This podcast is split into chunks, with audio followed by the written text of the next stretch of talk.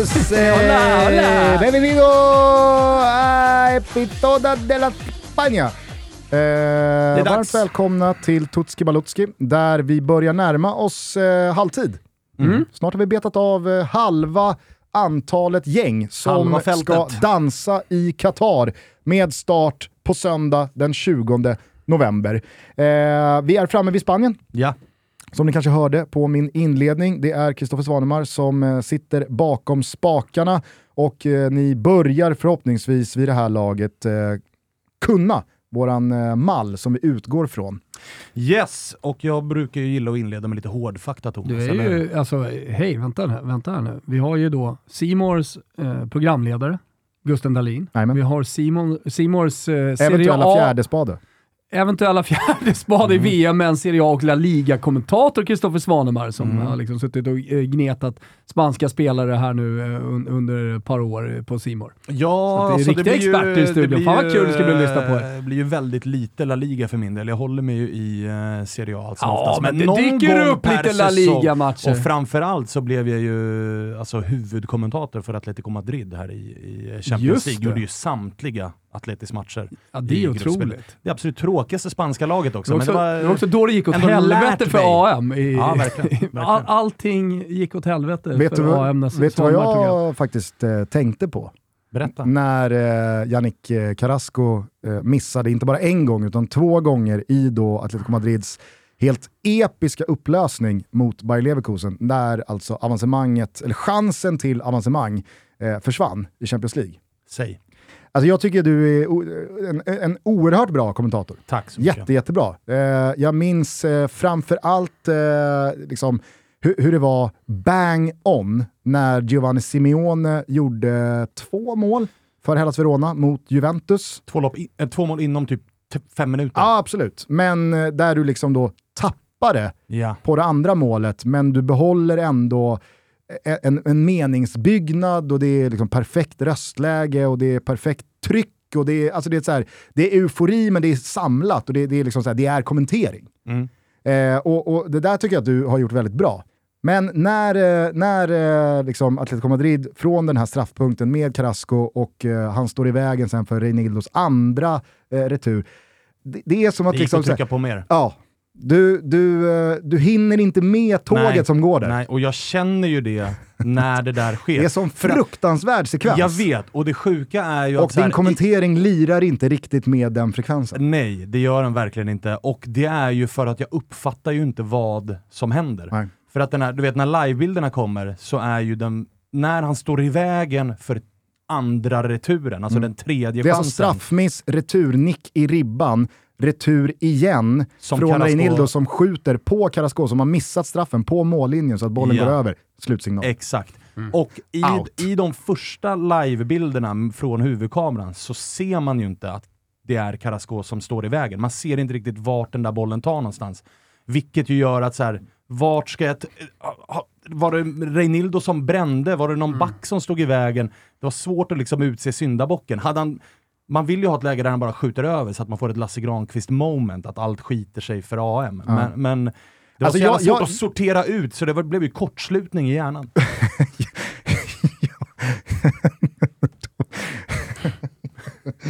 Nej, jag, jag, jag börjar skratta så mycket för att jag tänker, har man någonsin hört en svensk kommentator svära? Alltså i ett sånt, eh, i ett, i ett sånt läge.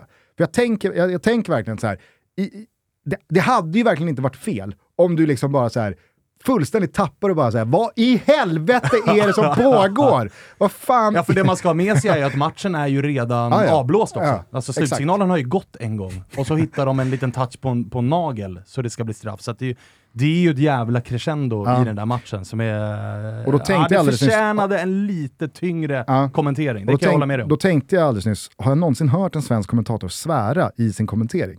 Och då tänker jag att någon lyssnare i Toto Balutto uppmärksammar oss på när Åke, Åke Unger för några år sedan. Det är någon boll som är över linjen. Vi är liksom- ute för helvete! Den är för helvete ute. Vi hade väl också, vi hade väl också eh, nyligen när... Det. Hade vi inte det rätt nyligen också? När, eh, var, det, var det Tennisberg på Viasat i samband med Just tysta det, minuten det. för, för Ja, drottning det. Elisabeth? Det var också tapp. Jag vet inte om det var en svordom. Att inte alla men- kan hålla käften.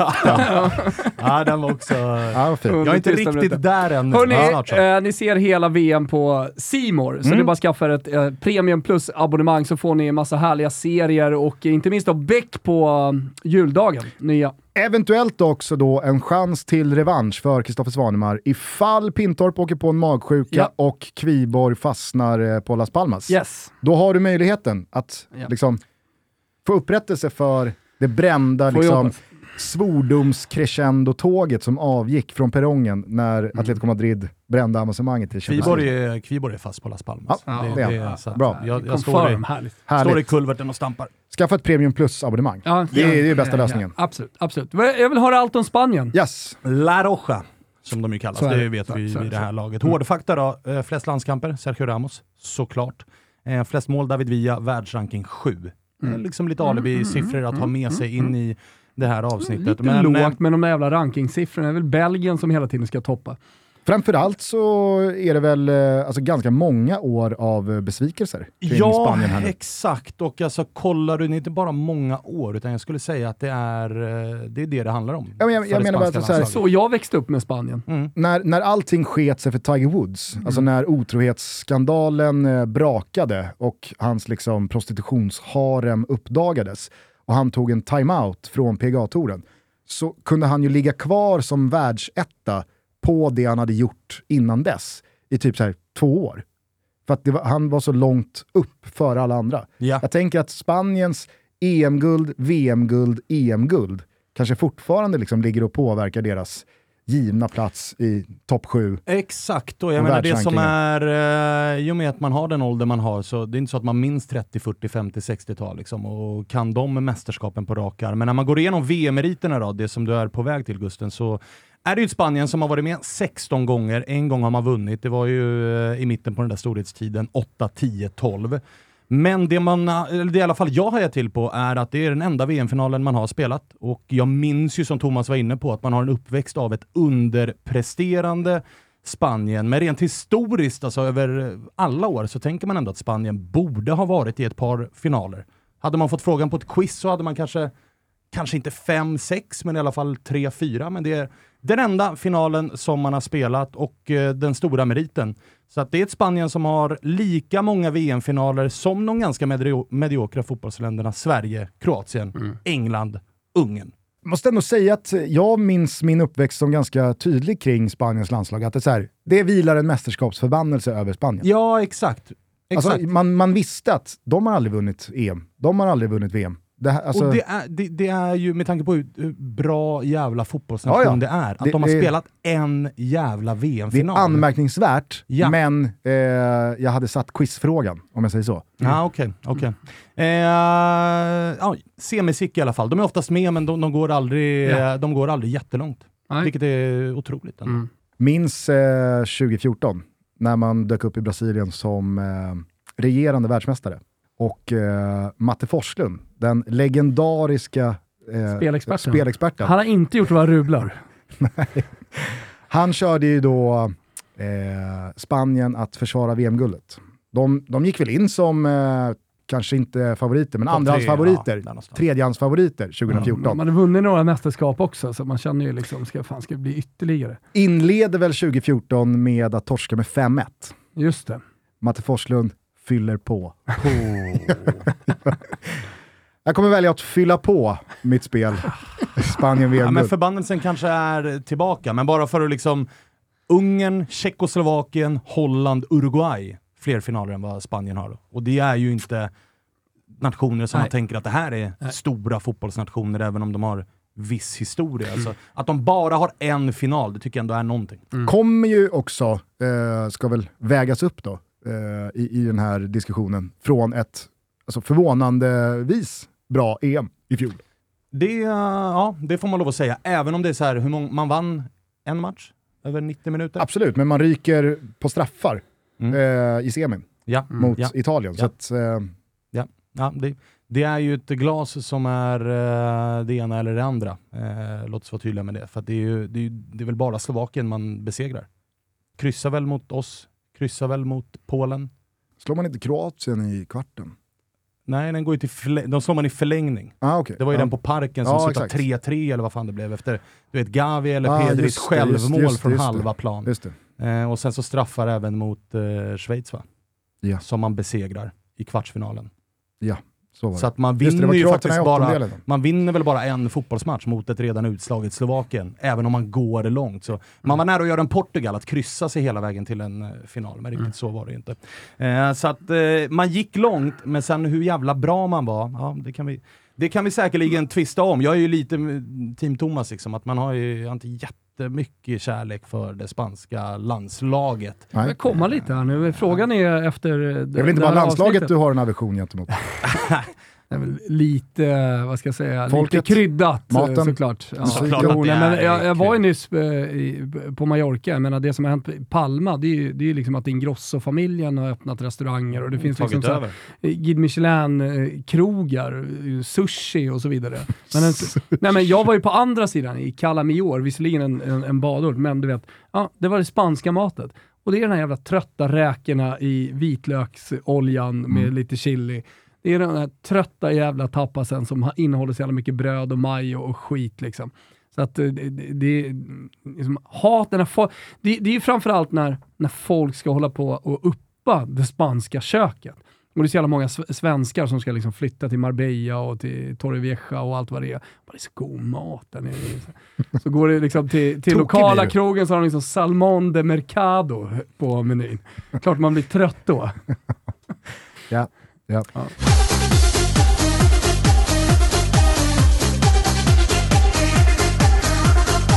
Lystring, lystring, lystring. Det är dags, det är den tiden på året. Den 8 november så finns Football Manager 2023 tillgängligt och det på PC, Mac, Xbox, mobil och Apple Arcade. Jag vet att det är många som varje år tycker att detta är ett heligt datum när nästa års Football Manager kommer ut. Om man inte har testat det, kanske det är dags. Eller man kanske till och med haft ett eh, uppehåll och inte kört på ett tag. Nej men fan, kliv på nu, det kommer jag göra. Det handlar ju om att du tar över tränarjobbet i valfritt fotbollslag i världen. Detta legendariska fotbollsspel bara rullar på sedan tidigt 90-tal och som sedan 2005 går alltså under namnet Football Manager. Sport Interactive heter de som har skapat det och de finns i London. Sen ges spelet ut av Sega. Jag vill också slå ett slag, för jag vet att det finns mycket kult kring eh, Football Manager och det är för vår fantastiska tröja vi har gjort på Nakata med legender, alltså Football Manager-legender som Freddy Adu, Vargas, West, Rajkovic i mål, Fierro på topp, eller varför inte nummer nio, Niki Forenko.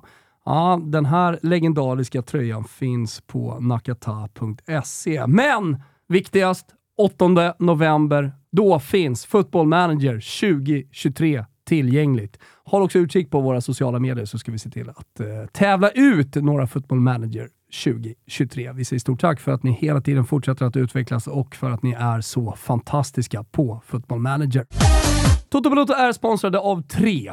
Jajamensan, mobiloperatören 3. Och de jobbar ju i en lite märklig bransch där alla säljer mer eller mindre samma sak. Förutom att fixa bra deals på mobiler och surf så satsar 3 därför lite extra mycket på två saker. Det första är att ta fram så flexibla tjänster som möjligt utan bindningstider. Så att man kan eh, ångra sig och ändra sig längs vägen. Ja, men ni fattar. De vill helt enkelt att man ska vara nöjd och känna sig flexibel. Men de är också väldigt trevliga. Och när jag menar väldigt trevliga så tycker vi att det är härligt att de har gett oss utrymme i deras spot här nu att prata om precis vad vi vill. Och vi har ju en systerpodd som heter Never Forget, så jag tänkte faktiskt att eh, utnyttja den här stunden att presentera Erno Erbstein. Jajamensan. Lyssna in och om ni får mer feeling så kan ni fortsätta lyssna på eh, Spotify där hela vårt bibliotek av Never Forget-avsnitt finns. De kommande åren under Erbsteins överinseende cementerade Il Grande Torino sin status som Italiens överlägset bästa och mest framgångsrika lag. De gjorde processen kort med ligatitlarna och spelade en typ av fotboll som kan beskrivas som totalfotboll.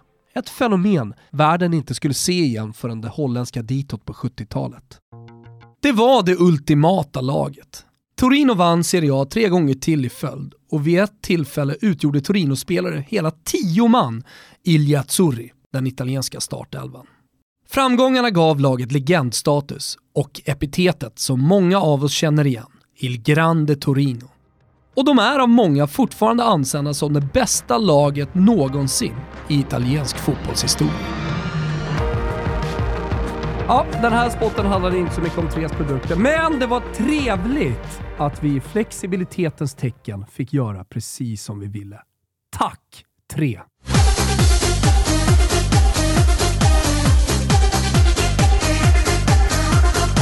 Hörni, vill ni eh, veta hur de tog sig till eh, VM eller? Yes! Ska jag Ja, fräscha ja, ja, ja. upp, ska jag riva Låt upp oss det här återgå till eh, avsnittet. jävla såret? För det, deras VM-kval river ju upp en del sår för oss. Vi minns ju det här med smärta, men det hade ju kunnat bli så fint för Sverige. För det var ett Spanien som var trötta, lata, sega, inledde med att spela 1-1 hemma mot Grekland. Samtidigt då som eh, Sverige helt ovetande tog en ganska fet skalp då mot Georgien med världens bästa Kvaradona på planen. Eh, omgången därefter så var det ju ett Georgien som pressade Spanien i eh, 93 minuter innan Dani Olmo kunde avgöra. Eh, men det var i alla fall det var en tidig måste-match för Spanien på Friends Arena, en match som ju Sverige vann. Och då hade vi ju ett Som scenario... vi vann. Ja, s- ja, verkligen. Och vi hade ju där ett scenario där vi bara om vi gjorde vårt hade kunnat åka ner till Spanien i den sista omgången och redan vara klara gruppetta. Ja. Men Sverige drog på sig eh, blöjan, plockade fram eh, mjukglassen, skit ner sig fullständigt samtidigt som Spanien bara gick ut och kopplade på någon form av pannben, Ja, det gjorde det här jobbet och det bevisade de ju även i den sista matchen där mot Sverige, att de faktiskt var ett nummer för stora. Men eh, jag vill i alla fall plocka med mig den inledande darren härifrån eh, Spanien, där de ju inte alls var särskilt eh, imponerande, utan de, de faller ju nästan mer på att Sverige inte riktigt, eller de lyckas ju ta sig vidare mycket tack vare att Sverige inte Fast hade de, inte, jobbet. hade de inte med sig det i beräkningarna? Eller 1-1 hemma mot Grekland. Jo, jo, jag Alltså, säger bara att så här, jag, Pressas mot Georgien jag, har, i 93 jag, har minuter. alltid, jag har alltid respekt för stora fotbollsländer som efter ett mästerskap, det är en ny kvalsväng som ska inledas. Ja, man men tappar någon mätta. poäng här, Mm. man tappar någon poäng där. Ja, då får vi väl peta i nästa växel då och, och köra över mot slutet. Ja, Men visst, jag, jag, jag hör vad du säger och du, du river ju upp. ja alltså de tar... så Inte de, ens läkta sår här. Nej, och de vinner ju gruppen, men jag vill ändå påstå att de inte gör det jätteimponerande. Eh, även ifall det i sista omgången där mot Sverige, Å det andra är sidan, inget man snack. ska inte imponera i något jävla VM-kval. Nej, kanske man inte ska. Nej, jag Det kanske tycker man inte ska. det. det. Det är två olika saker att spela någon jävla VM-grupp och, och att komma till, till ett mästerskap och prestera där. Det tycker jag. Jag vill eh, vara tydlig med. Fan vad länge sedan det var, man var glad. Men när, man, ge- när man tänkte på det svenska landslaget. Ja, jo. Det är ju den där, det är ju den där Friends-matchen mot Spanien. Ja. Det är ju senast Ja. liksom, det, det kändes bra. Ja. Ja. Det är ett och ett halvt år sedan. vi- Vidrigt. Uppfriska mitt minne. Förbundskapten. Kan vi börja Luis? Enrique. Såklart. Såklart. Vad känner du kring eh, Luis Enrique? Lite som med den spanska maten eh, egentligen. Förutom liksom när, när alla svenskar börjar prata om den. Alltså så här, om vi inte hade pratat om den så hade jag varit ganska likgiltigt inställd till det och kanske till och med någon gång ibland tagit några räkor i vitlöksolja och, och lite chili. Är du med? Mm. Eh, och lite så med Luis Enrique också. Så, här, så länge inte folk börjar uppa och prata för gott om honom så är jag ganska ja, känslomässigt neutralt inställd till honom. Nej, men, eh, jag, jag är lite ambivalent kring Luis Enrique för att eh, alltså, dels så känns han ganska osympatisk. Eh, han är ju svårälskad eh, och det har han ju alltid liksom Ja, varit, så här, tycker det, jag. det bekräftas ju om man tittar igenom för våra äldre lyssnare som kanske minns hans spelarkarriär, så är det ju trots allt en spelare som har gjort den förbjudna övergången mellan Real Madrid till Barcelona. Och bara det skvallrar ju om han inte är särskilt sympatisk, för då gör man inte den flytten ju. Så kanske det. Eh, det jag syftar till det är väl kanske framförallt hans tid som tränare. Mm. Eh, när han eh, dels gjorde det piss i Roma. Ja, det var Alltså, hans första riktiga senioruppdrag. Det var inte bra. Och där, liksom, där, där, där sattes ju fundamentet för eh, min i alla fall eh, alltså, aversion gentemot Luis Enrique. Eh, men eh, sen, sen så var det ju en tid i Barcelona där han inte heller var speciellt liksom, ja, men, man rycktes ju inte med i någon slags fan vad nice Luis Enrique verkar vara. Det som däremot kom från andra hållet var ju att hans Barca var ju otroligt bra. Alltså vilket jävla lag han kanske inte byggde, han fick ju ta över ett, ett hyfsat gäng. Ja. Men fotbollen de spelade, och det var ju, liksom, det var ju under Luis Enrique som Suarez, Neymar, Messi-trion verkligen liksom ja, och så här, det var exploderade. ju eventuellt lite orättvist att den också var liksom post-pepp. Jo, jo. Det var ju inte lätt, och jag menar, vi har ju sett på Barcelona att de har ju avverkat ett par, ett par tränare efter Luis Enrique som inte alls lyckats göra det Luis Enrique gjorde, vilket har gjort att man kanske får värdera Luis Enriques gärning i Barca på ett, man får värdera det högre än vad man gjorde där och då kanske. Så är det. Det jag i alla fall skulle landa i det var ju att sen han tog över då som förbundskapten så handlade det ju väldigt mycket om då den här pausen han tog och sättet som ja, men, eh, han pratade om sin assisterande som klev in eh, som då eh, interim förbundskapten. Jag har tappat namnet på honom, det hör inte till historien. Men allt det här gjorde att man var ganska liksom så här, ja, men, eh, onajs, liksom Luis Enrique. Och sen så hans dotter gått bort. Då Exakt. går det ju liksom inte att Exakt. så här, då, då är det bara, Exakt bara så. dra igen kakhålet. Exakt så. Han har ju varit, eh, som du är inne på, han har ju varit förbundskapten sedan 2018 men tog ett ganska långt uppehåll eh, 2019 och det var hans nioåriga dotter som hade gått bort i cancer som var förklaringen till det. Eh, även om man då kan ge ett, eh, för oss utifrån, ett eh, stundtals i alla fall, ett osympatiskt intryck så hyllas han ju jävligt mycket av eh, spelare. Eh, vi har eh, Messi som har sagt att det är liksom den, en av de absolut bästa tränarna han har haft, det är väl bara Pep emot kanske. Thiago som också pratat om eh, Och lite Luis ge bollen till ett- Messi, det var väl därför. Ja, kanske, men Thiago har pratat om, om uh, Luis Enrique också som ett taktiskt geni, men också som en jävligt bra människokännare. Att han är bra på att få ihop grupper, bra på att få alla att Han dra växer. åt, eh, åt eh, samma håll. Och Thiago har varit inne på att det är en blandning utav Peps taktiska förmåga och Klopps passion eh, för att beskriva Luis Enrique som I tränare. Så takt med att han växer lovordas börjar jag bli sugen på lite räkor i chili vitlöksolja. Ja, okej, okej. Kommer ni ihåg eh, vilka, vilket klädesplagg han eh, tog tillbaka under EM i fjol? Fan, vad det? Nätbrynjan. Den kanske fanns där under till, det vet jag inte. Men han dök ju upp eh, med cargo-fickorna på Nej. byxorna. Ah. Tidig på dem. Var han tidig på det? Ja men i liksom reviven Ah, okej. av dem. ja, ja, ja, ja. Fick en del kritik eh, i EM i somras, ju, eh, just det här med, det var väldigt mycket Barca, väldigt eh, inga alls ifrån eh, Real Madrid, vilket har varit lite så här vattendelare runt eh, Luis Enrique som, som eh, förbundskapten. Och det snacket har ju också varit inför eh, det här Så är mästerskapet. väl alltid. Ja. Mm. Eh, MVP då? Mm, här blir spännande. Ja, det, man fick jobba lite grann här. Men landar ändå i det som är Luis Enriques uppenbarligen absoluta favoritspelare i det här landslaget. Alvaro Morata. Jajamensan. Han ska ut på den där jävla linjen. Är han fräsch? Fräsch och Han- fräsch. han alltså, skadade sig ja, lite där. Jag vet, och så är det ju ett, han spelar ju det här jävla AM som jag har kommenterat hela hösten, som har eh, sex stycken anfallare som typ snurrar på den där anfallspositionen.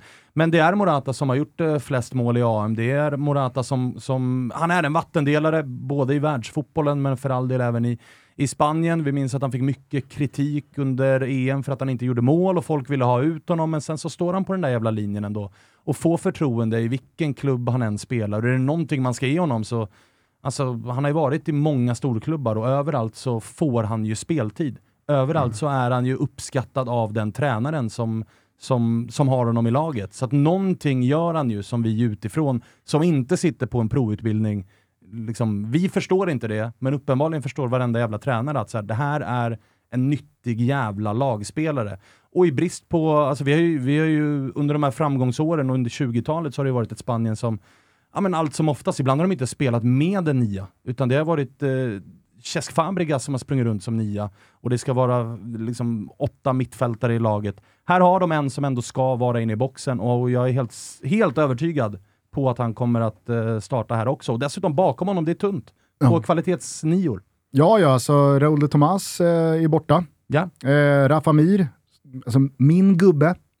Det kommer ju aldrig hända där. Nej, nej. Eh, men jag tycker också att man ska komma ihåg hur jävla hårt Luis Enrique eh, slogs för Alvaro Ja, Morata verkligen. i fjol. Alltså han Verkligen. eh, han eh, gick ju väldigt hårt åt eh, Alvaro Morata-kritikerna från Mm. presspodiet egentligen under hela EM-turneringen i fjol och menade på att det här är en av de bästa anfallarna som, som Spanien fått fram eh, alltså på, på den här sidan, millennieskiftet. Så att, eh, och jag menar, ser man till hans målskörd i landslaget så är det ju svårt att att ge honom fel. 27 matcher, på, eller 27 mål på 57 landskamper har han. Och jag menar, Gerard Moreno skadad, eh, vi har Borja Iglesias, alltså det är de namnen som är bakom Mm. Alvaro Morata som nia. Så att jag tror att han kommer vara, och jag menar, vi vet alla hur många sexor och åttor som finns, det är bara blunda och peka, där kan han välja vad han vill. Så att MVP Alvaro Morata. Okej, till stjärnskottet. Till stjärnskottet och här är eh, ja, nästan så att vi behöver, eller jag kommer, eh, jag kommer göra någonting som vi sällan har gjort, om ens någonsin. Ah, okej. Nämligen att bara skjuta ut, för det är stjärnskotten i det. Det är helt jävla omöjligt att välja vilken Nämn av alla. några. För att i den här truppen så finns Pedri 19, Gavi 18, Jeremy Pino 19, Ansu Fati 19, Ojan Sanchez 20, den här nya jävla vänsterbacken i Barcelona, eh, Alejandro Balde som har liksom flyttat Ja, men, på alltså, jag har ju Alonso. Jordi Alba, Nico Williams, Inaki Williams lillebror är med i den här Alla truppen. står i skuggan. Och Luis Enrique är dessutom Alla står i skuggan. av Pedri. Ja. Inte Pedro. Pedri. Pedri. Pedri. Pedri. Nej, jag tycker verkligen Pedri. det.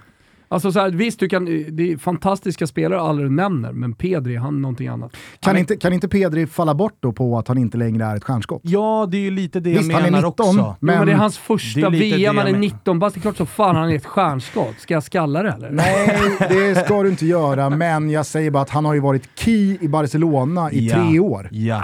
Och så här, det jag egentligen vill, det jag egentligen vill eh, komma till är att Luis Enrique, Luis Enrique är inte bang på att, eh, på att spela med flera stycken. Han struntar i erfarenhet och rutin och de här grejerna och låter Nej. många av de här unga Nej. komma in. Så det är är ett landslag som Pedri. är fyllda utav, eh, utav stjärnskott. Det var ju bisarrt där för något år sedan när Gavi hade fler A-landskamper än eh, A-matcher för Barca. Ja, Otroligt. helt sjukt. Det säger jävligt mycket om vad Luis Enrique är för förbundskapten. Att är du bara, ser han bara potential så är han nästan som Men- en liksom, U21-tränare. Jag tänker också att han kommer, få, han kommer få flyga lite här. Alltså folk som inte kollar så mycket på klubblagsfotboll som sätter sig och, och liksom kika, kika Spanien här under, Ja. under VM eh, kommer bli imponerade av Pedri. Så det är därför Jo, jag menar, blir han mitt minns, stjärnskott. eh, minns EM nu i somras. Thiago sitter på bänken för, för eh, Gavi och Pedri ska spela. Mm.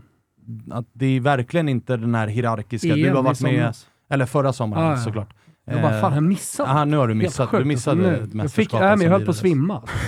du vet när det är såhär, man, man, man känner hajar sig man glömt borta. Han hajar till. Ja, där väckte jag det lite grann. Men det, bara en sån sak säger jävligt mycket om vad Luis Enrique är för förbundskapten. Det kvittar vad du har gjort och vilken klubb du är. Eh, är du tillräckligt bra så skiter jag i åldern. Jag tycker ändå du rabblar ett par intressanta namn här. Jag eh, misstänker att Unai Emery eh, gärna ser att Jeremy Pino håller en jävligt låg profil eh, det här mästerskapet så att han kan ta honom för en hyfsat billig peng eh, Ja. till Aston Villa. Ja. Skulle Jeremy Pino liksom få sitt stora break här, då har ju Aston Villa ingen chans. Nej, alltså, då kommer inte. han inte gå till Aston Villa. Verkligen inte. Eh, men sen så tycker jag att eh, du, du eh, uppar Nico Williams här. Eh, Mm. det, är ju, det är ju en jävligt intressant spelare som jag tycker mer går under, alltså så här, för oss som följer den spanska fotbollen vecko, Ja, är ju- liksom på veck, Nej, vecko, ja. vecko, veckobasis eh, så är ju han lite mer av ett stjärnskott än Pedri då. Alltså, även fast jag köper vad Thomas säger med att han är 19 och det här är hans första VM, absolut. Samma gäller Gavi och så vidare. Men eh, Nico Williams är ju verkligen Ja, och det är ju nästan li lite grann för finsmakarna. Liksom. Mm. Att det, det för oss som följer den internationella fotbollen väldigt tight så kan ändå Nico Williams vara en spelare man kanske inte har sett jättemycket om. Nej, men han kan ju samtidigt också få Premier League 14 och- minuter. Exakt, exakt, exakt. Så att det är därför jag vill nämna flera stycken i den här kategorin, för jag tror att Varsågod. många utav de här kommer att få speltid. Det är svårt därför att bara singla ut en utav dem. Kul.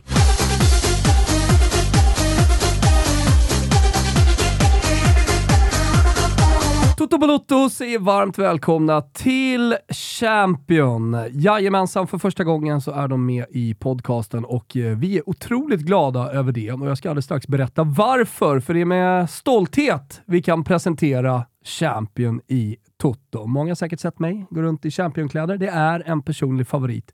Ända sedan eh, Stockholm Vattenfestivals tidiga dagar på 90-talet. Mm. Ni som var med då, ni vet. Champion, vad är det då för företag? Jag tror att det är många som inte känner till det. Vissa tror att det kommer från Italien, vissa tror att det kommer från England. Men jag kan nu berätta att Champion grundades 1990. 19, ja så länge sedan, i staten New York. Och det är alltså ett av världens äldsta varumärken, som idag också är ett av världens största livsstilsvarumärken. Champion skapade hoodien, och det här tycker jag är lite balt, redan på 1930-talet och då adderades också huvan på plagget för att NFL och MLB-spelare på sideline så att säga skulle kunna skydda sig mot väder och vind. Annars är varumärkets eh, ikonprodukt eh, Reverse Weave Sweatshirt. Eh, har ni koll på det eller? Det är alltså ett sätt att förändra konstruktionen på bomullsplagg för att förhindra krympning. Och det är ett patent som man har sedan 1952. Kvalitutta hörni! Jajamensan. Det är till och med så att eh, Reverse Weave Hoodien, den är invald i Museum of Art. Bara en sån sak. Annars har man ju sett genom åren eh, Champion-kläder på några av de absolut största idrottarna, inte minst i NFL och NBA. Dream Team, ja, bästa basketlaget genom tiderna med ikoner som Michael Jordan, Magic Johnson, Larry Bird, Scott Pippen. Ah, fan nu pirrar det till hos folk där ute. Alla bar Champion. Skandinaviens flaggskeppsbutik ligger på Hamngatan 30 i Stockholm. Den måste ni besöka av flera anledningar. Man gillar också att eh, Champion har eh, samarbetat och gjort sköna collabs med kända designers som Todd Snyder, Rick Owens och eh, Craig Green. Och Be Your Own Champion är ett uttryck som du kanske har hört och nu kan du personifiera ditt Champion-plagg med patches, alltså märken, för en unik look. Detta gör du i Champions Flagship Store på Hamngatan 30 i Stockholm. Och jag hade faktiskt tänkt att damma dit efter avsnittet och sätta dit en liten Toto-logga också. Fan vad mäktigt det hade varit. Men har vi någon rabatt då? Joho då, 25% på hela sortimentet i Champion-butiken på Hamngatan 30 i Stockholm och på championstore.com. Säg Toto25 i kassan i butiken eller ange koden på hemsidan så får du rabatten otroligt generöst av Champion. Vi säger stort tack och eh, glöm inte bort, be your own champion. Testa patcha på era Champion-produkter. Ciao tutti Champion!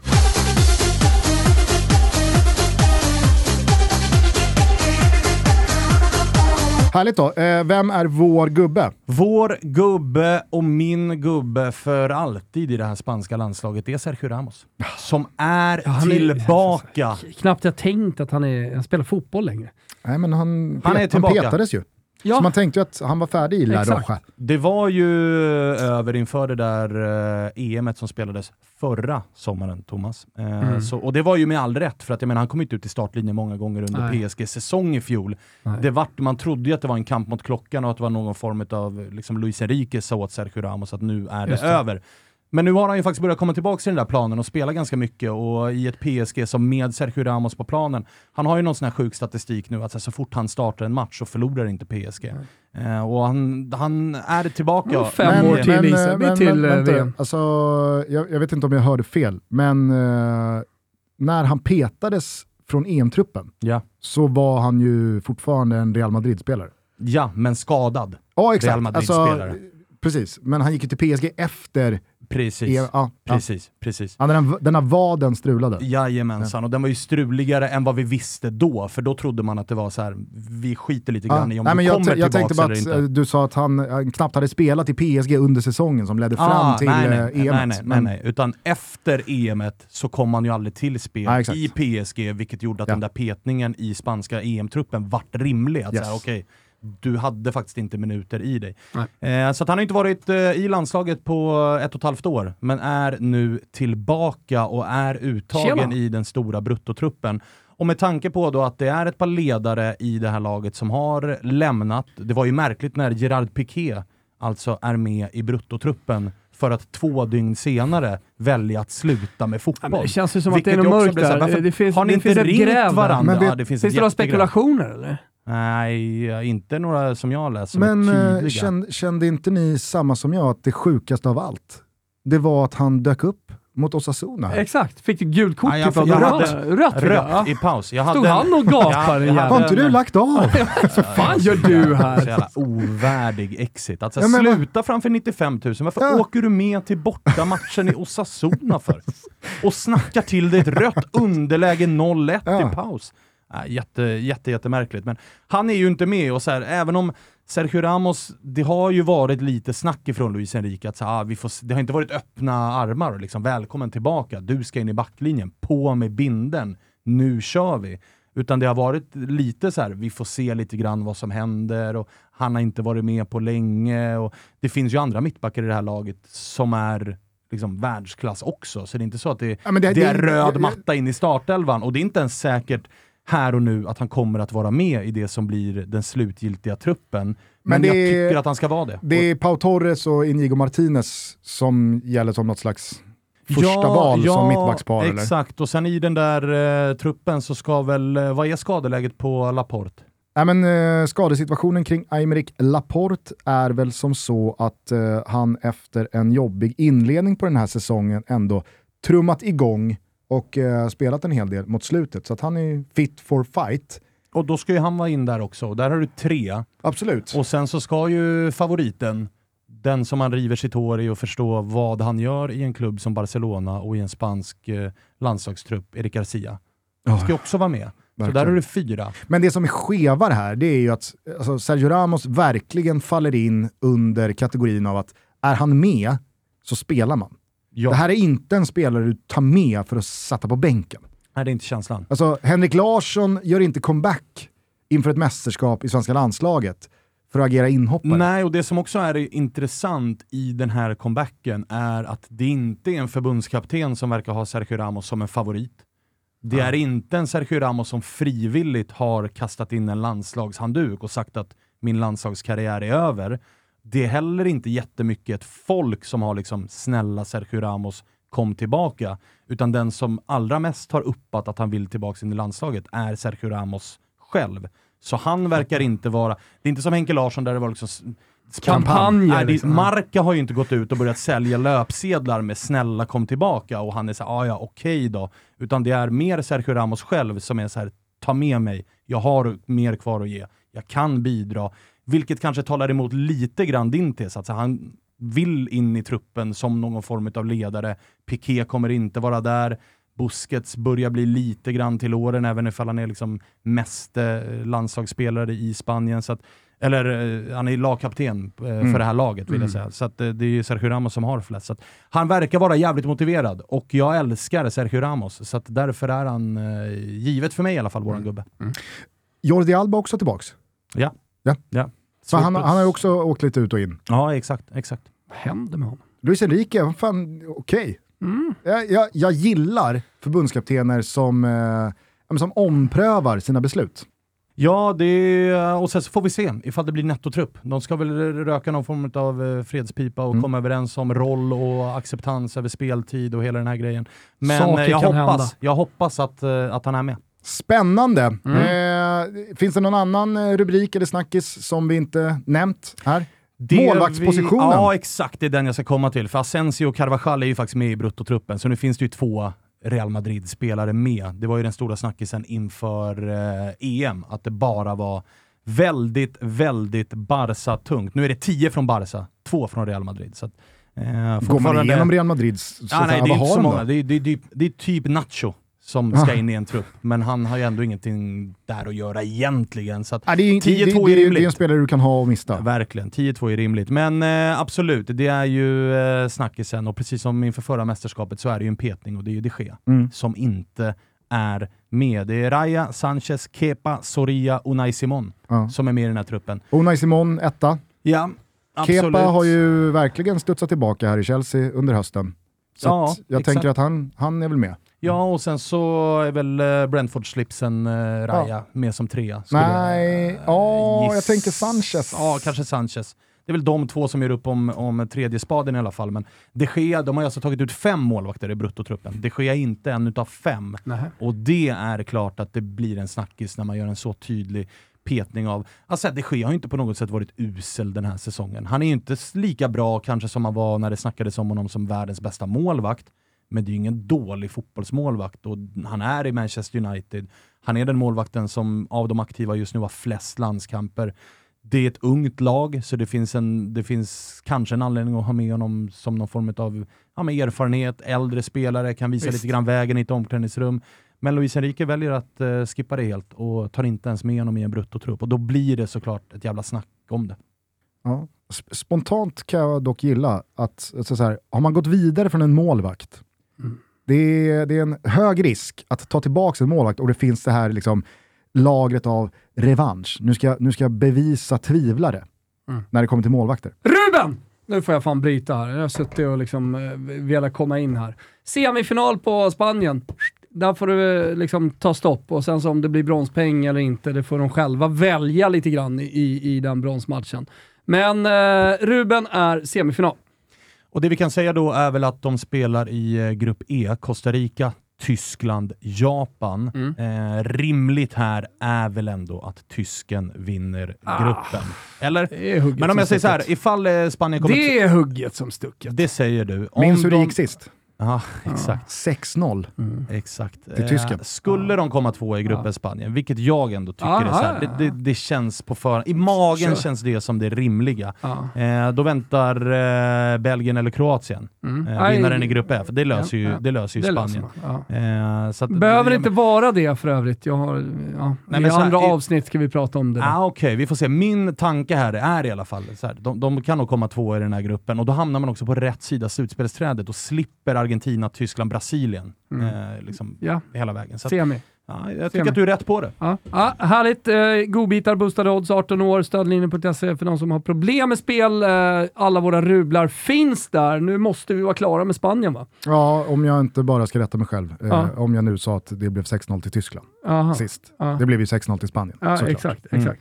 Jaha, ja du sa Tyskland du ja. Mm. Det, Nej, men ibland, så ibland, så, ibland så slinter man. Ja. Eh, men det var väl, eh, det var väl Jogge Lööfs liksom, Det var andra tider. Det var Till- andra tider. till världsfotbollen. Ja. Tack för mig. Ja. Tack för mig. Och det säger vi väl eh, Jag här ska nu återgå också. till min autofellatio. Kör vi. Eh, vi hörs imorgon igen. Då är det två nya rykande färska avsnitt av Tutski Balutski som gäller. Vi håller på hela vägen fram till och med VM-premiären. Så det är bara att haka på. Ciao Tutti! Ja, de tanto correr por la vida sin freno. Me olvidé que la vida se vive un momento. De tanto querer ser en todo el primero, me olvidé de vivir los detalles pequeños. De tanto jugar con los sentimientos, viviendo de aplausos envueltos en sueños. De tanto gritar mis canciones al viento, ya no soy como ayer, ya no sé lo que siento, me olvidé de vivir, me olvidé de vivir.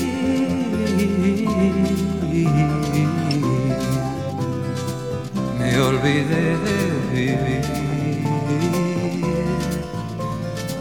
Me olvidé de vivir.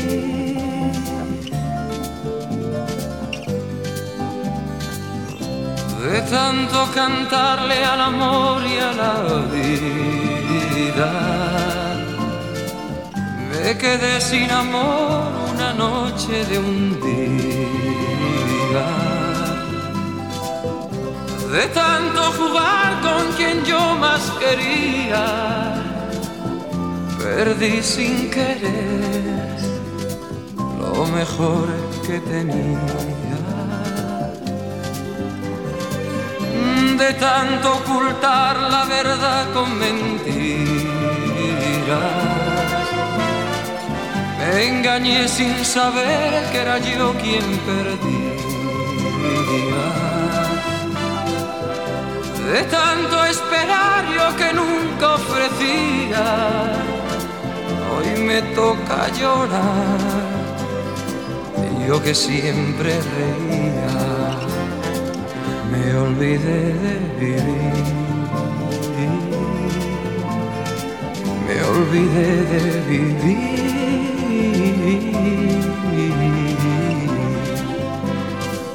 Me olvidé de vivir. Me olvidé de vivir.